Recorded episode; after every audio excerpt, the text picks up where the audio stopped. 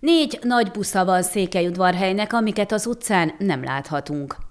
A buszok Budapest főváros önkormányzata szakmai segítségeként érkeztek a városba, és az Orbán ERT adminisztrálásába kerültek, ahol a mai napig is vannak.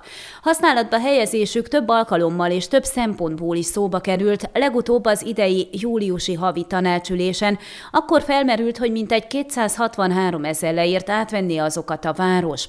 Nemrég megírtuk, hogy a városi RMDS frakció furcsálta ezt az előterjesztést, szerintük ezek a méretes buszok a város szűk szűk utcáin történő közlekedésre alkalmatlanok. Hadnagy Gábortól, az Urbána igazgatójától megtudtuk, hogy az 1998-as kiadású ikaruszok egyenként 39 ülőhelyen rendelkeznek, állva utazókkal együtt 71 személyszállítására alkalmasak. Három járműnek már befejeződött a műszakiztatása, egy továbbié pedig folyamatban van, tette hozzá hadnagy. Az ügyben megkérdeztük Zörgő Noémit, a Székelyudvarhelyi polgármesteri hivatal sajtószóvivőjét is, aki elmondta, a járművek üzembe helyezésére még mindig várni kell, ugyanis az a szolgáltató, akivel jelenleg egy éves szerződése van a hivatalnak, csak saját gépjárműparkkal vállalta a közszállítást.